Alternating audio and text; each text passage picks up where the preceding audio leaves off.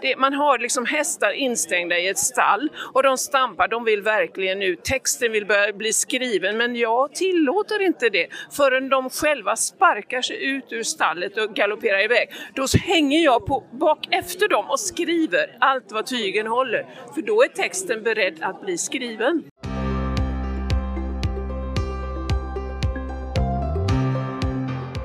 Hej och välkomna till Konsten att sabba en story.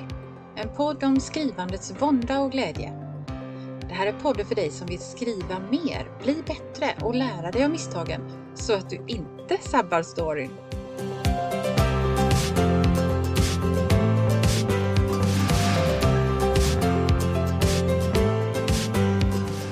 Jag heter Anna-Karin Svanå. Jag är skrivarcoach, lektör och författare. Men nu sätter vi igång!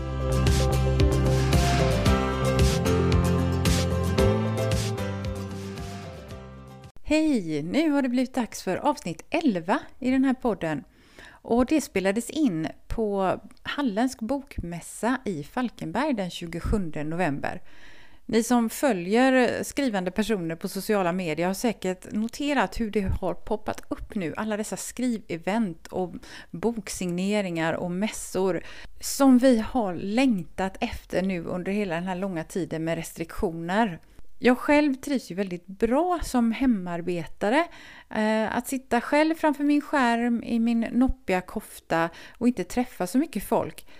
Men alltså nu när jag fick chansen att möta mina författarkollegor och andra besökare på den här mässan, alltså det var ju helt härligt. Jag skulle stå vid mitt bord och visa upp mina böcker men jag tror att jag sprang runt och pratade med folk större delen av tiden. Eh, jätteroligt, verkligen. Men samtidigt, jag är ju introvert och lite så här konvalescent efter utmattning så fyra, fem timmar av prat gjorde mig fullständigt slut. Men det var det verkligen värt. Och det var så många intressanta samtal som jag fick ta del av. Och allt har jag inte spelat in, men lite av det får vi höra idag och även nästa vecka. I detta avsnittet får ni höra eh, Kajsa Johansson, bland annat, som pratar om hur det är att dela med sig av sin text i, i något som kallas för kritikstöd och vad det kan ge. Jag pratar också med Aino Trosell som har gett ut 27 böcker och hon har otroligt mycket spännande och intressanta saker att säga. Så där får man nästan lyssna flera gånger för att verkligen snappa, snappa upp allting som, som hon har delat med sig av. Och jag pratar också med Lilly M och Sara H Olsson. Både Aino Trosell, Lilly M och Sara H Olsson har det gemensamt att de faktiskt lever på sitt författarskap. Och därför tyckte jag det var lite extra spännande att fråga dem om detta. För jag hör det sägas så ofta att det är helt meningslöst att försöka bli yrkesförfattare. Det går ju inte att leva på sitt författarskap. Men de här tre kvinnorna visar ju att det faktiskt det går visst. Så lyssna nu på vad de säger. Det är lite bakgrundsbrus för vi står ju mitt på en mässa, men jag tror det går bra att höra ändå. Så här kommer intervjuerna.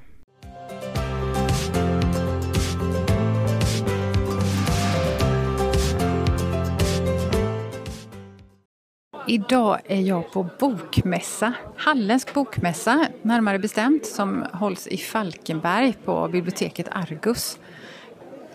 Jag tänkte jag skulle prata med några av författarna som är här och ställa korta frågor. Jag har hittat Kajsa Johansson. Vill du berätta vem du är? Ja, jag är en författare som kommer från Halmstad eh, som har gett ut två Nobelsamlingar. och eh, har haft turen att få komma med i kritikstödet genom Region Halland.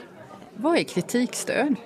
Det är någonting som man kan söka, lika väl som att man söker stipendier och sådär så kan man söka kritikstödet för att få feedback på sin text. Eh, och i det här fallet så var det två litteraturkritiker som hade läst min eh, novellsamling eh, eh, Pressens lilla kråka och andra noveller och stött och blött den framlänges och baklänges, upp och ner och bak och fram eh, och satt på scen på Halmstad bibliotek och diskuterade den. Men hur läskigt var inte det? det var läskigt. Eh, för jag har hört många som har sagt att de inte vågar söka det men jag tänkte så här att om min, om min bok kommer med då kan den ju inte vara helt värdelöst, tänkte jag. Eh. Tycker du att du lärde dig mycket på det som du fick lyssna till då? Ja, det tycker jag faktiskt. Eh, det var väldigt intressant med all historia runt novell. novellskrivande och hur, eh, hur man skriver noveller, hur noveller kan se ut. Ehm, kända exempel på noveller och så. Och sen eh, den feedbacken, vad de såg i mina texter, vad jag kan förbättra, vad jag, eh, vad jag gör bra. Vad, vad man skulle kunna göra med mina texter tycker jag var jättehäftigt. De tyckte att de, att de var filmiska, att man skulle kunna göra kortfilmer av dem. Men det ser jag fram emot. Ja. Det kommer det hända kanske. Men du, varför skriver du just noveller? Det får jag nog eh, skylla på eh, Lili M. Faktiskt. Jag har gått på skrivarkurs för Lili M eh, i fyra år. Och eh, hon har gett oss en massa uppgifter att göra. Och då blev det novellformatet. Och jag kände att det formatet passade mig väldigt bra. Eh, så jag skrev väldigt mycket noveller under en period där.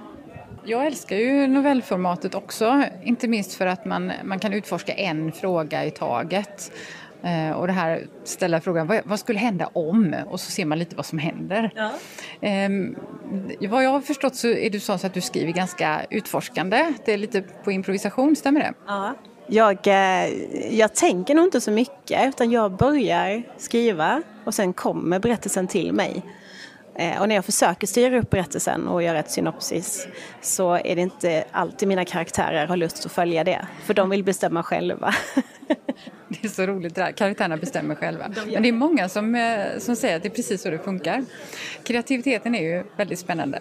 Du, om du skulle ge något råd till någon som gärna vill skriva men kanske inte riktigt får till det, vad skulle du vilja säga då? Alltså, man måste börja skriva man, det finns inga andra sätt att, att bli en skrivande människa mer än att skriva. Och så tycker jag att man måste dela sin text med någon. Börja med någon som man litar på. Mm. Eh, och att våga utsätta sig för att få feedback på sin text. Det är jätteviktigt att se sin text utifrån eh, så att man kan förbättra den. Ja, man behöver inte hoppa på kritikstöd det första kanske, utan man kan ta det i små steg. ja, det håller jag med om. Det hade jag aldrig vågat för några år sedan. Nej, allting har sin tid.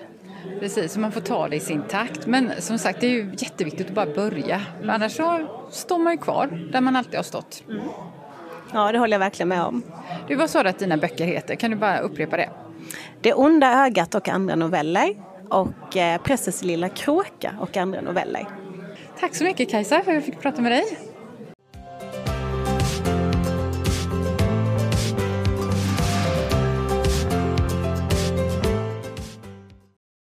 Här står jag med Aino Trosell. Vem är du? Eh, ja, Aino Trosell, vem är jag? Jag är många, ja.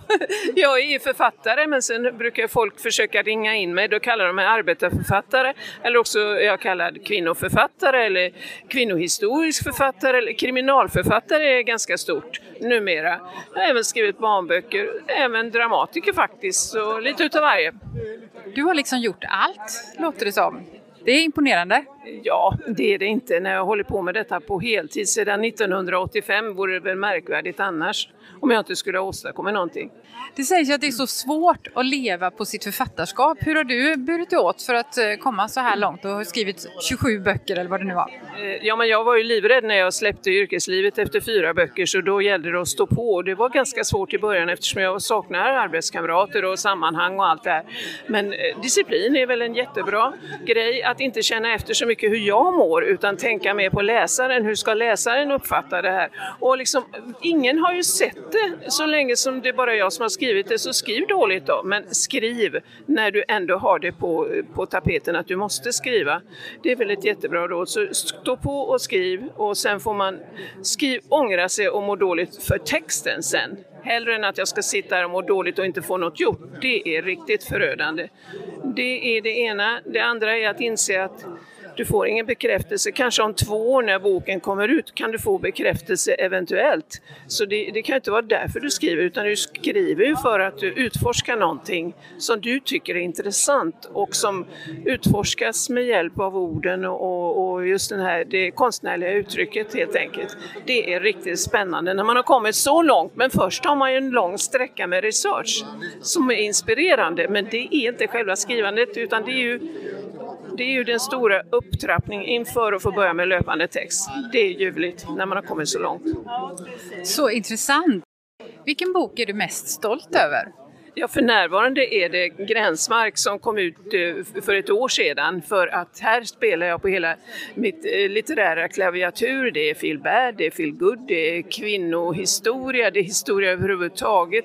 Det är en kriminalberättelse som puttrar på under ytan tills den vinner sitt crescendo och det är också väldigt färgstarka personporträtt som jag är ganska nöjd med. Jag har haft väldigt, det har varit spännande att skriva den här boken. Jag känner mig väldigt trygg som författare. Jag vågar ta ut svängarna. Det har varit jättekul och jag hopp, de som, det finns sådana som verkligen älskar den här boken. Sen är den lite krävande för en läsare för att den kränger som ett skepp i storm sådär. Men det tycker jag är kul att skriva så faktiskt.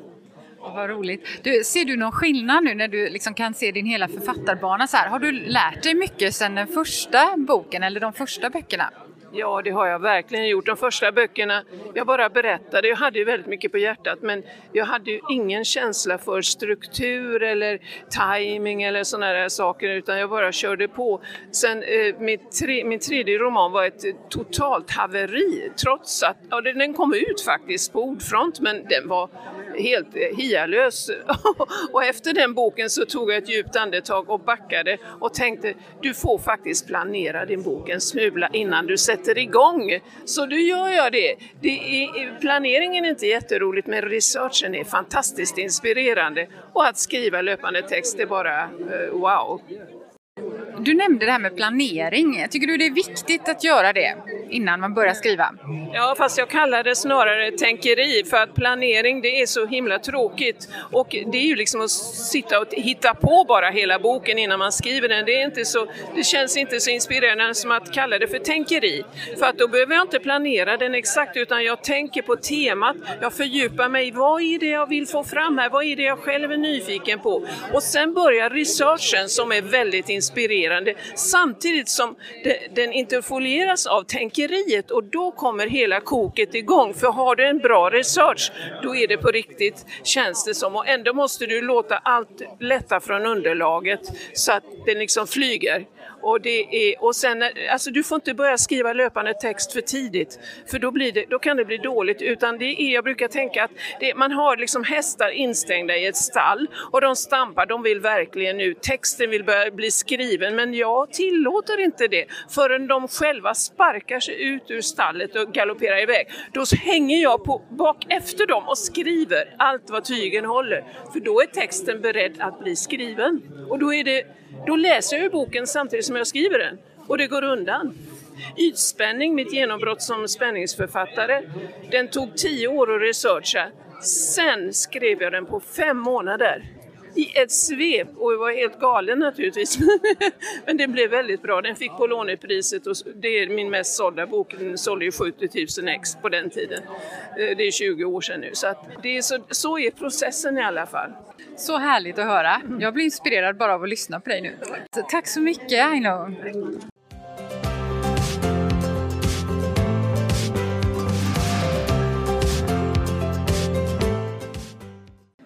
Nu står jag här med två andra glada författare, Lili M och Sara H Olsson. Vill ni berätta lite vad ni skriver för någonting? Sara?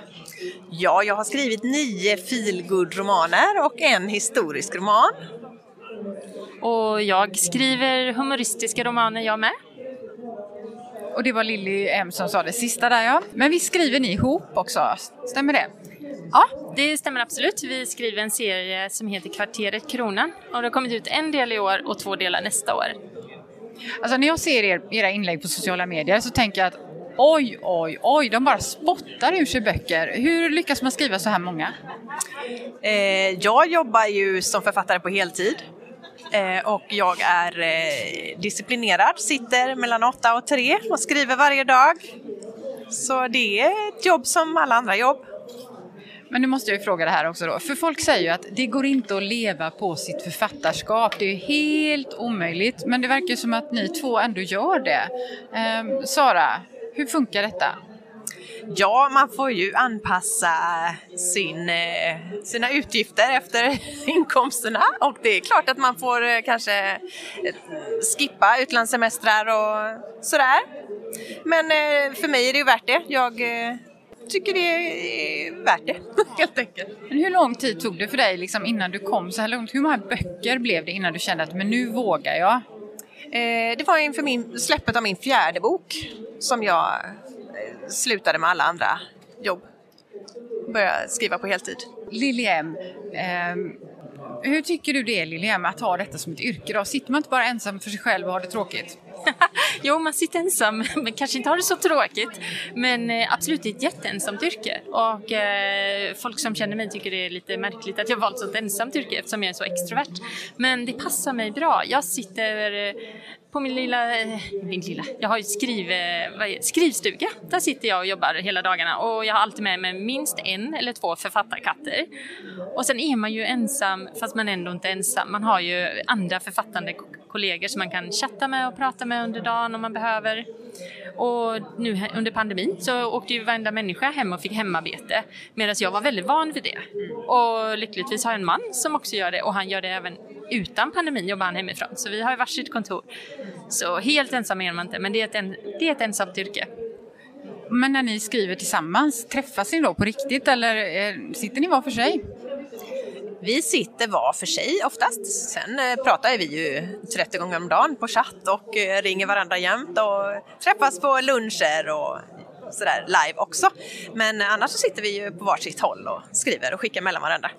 Men eh, Liljem, om du skulle säga ett tips till någon som vill satsa på det här med att bli författare liksom på riktigt, om man säger så, ge ut böcker och kanske leva på det eller delvis leva på det. Vad, är, vad ska man göra för att komma dit? Jag tycker det är ganska smart att eh, dryga ut intäkterna för böcker för det är ganska lång ledtid för att få din eh, royalty eller biblioteksersättning. Så det kommer ju inte hända över en natt utan vi pratar år innan du börjar känna. Ju mer böcker du har i bagaget desto mer kommer olika kuggar rulla på liksom. Och du får olika intäkter. Men tills dess så kan man ju dryga ut det. Jag håller skrivkurser och bokcirklar när det inte varit pandemi. nu hoppas jag komma igång nästa vår igen. Och det är ett väldigt bra sätt att dryga ut det och att göra något annat inom branschen som också kan ge intäkter. Och det finns ju massa som folk som är frilansjournalister och författare till exempel. Eller så kombinerar man det med en halvtid med ett vanlig tjänst. Alltså, man måste testa sig fram vad som funkar för ens egen familj. Men såklart, är detta ens största, största dröm, då ska man ju försöka. För man, eh, man måste försöka. Och jag håller med Sara som sa innan att man kan ju avkall på annat i familjen. Och kan man inte sluta sitt heltidsjobb direkt så ska man ju absolut inte göra det. Då får man ju hitta tiden, all annan tid när man kan skriva och skriva och skriva. Och så får man avsluta eh, heltidsjobbet senare längre fram. Men går gör det. Det kan vara en lång väg, men det går. Härligt att höra. Tack så jättemycket Liljem och Sara H Olsson.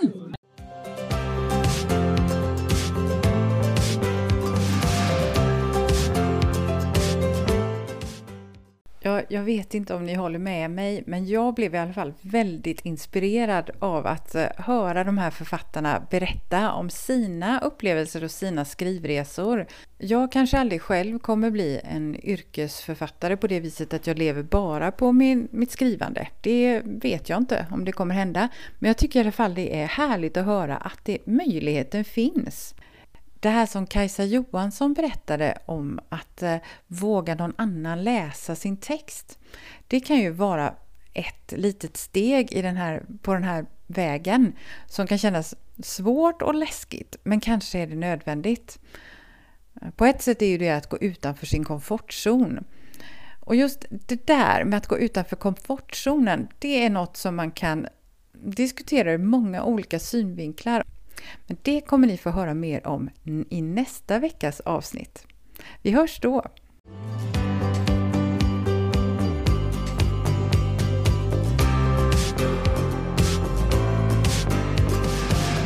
Det var allt för idag. Om du gillar podden skulle det vara toppen om du tipsar andra skrivintresserade också. Titta gärna in på min hemsida www.annakarinsvana.se där finns bland annat en gratis minikurs om att börja skriva. Där finns också mer information om mina tjänster och kurser. Men nu är det dags att börja skriva.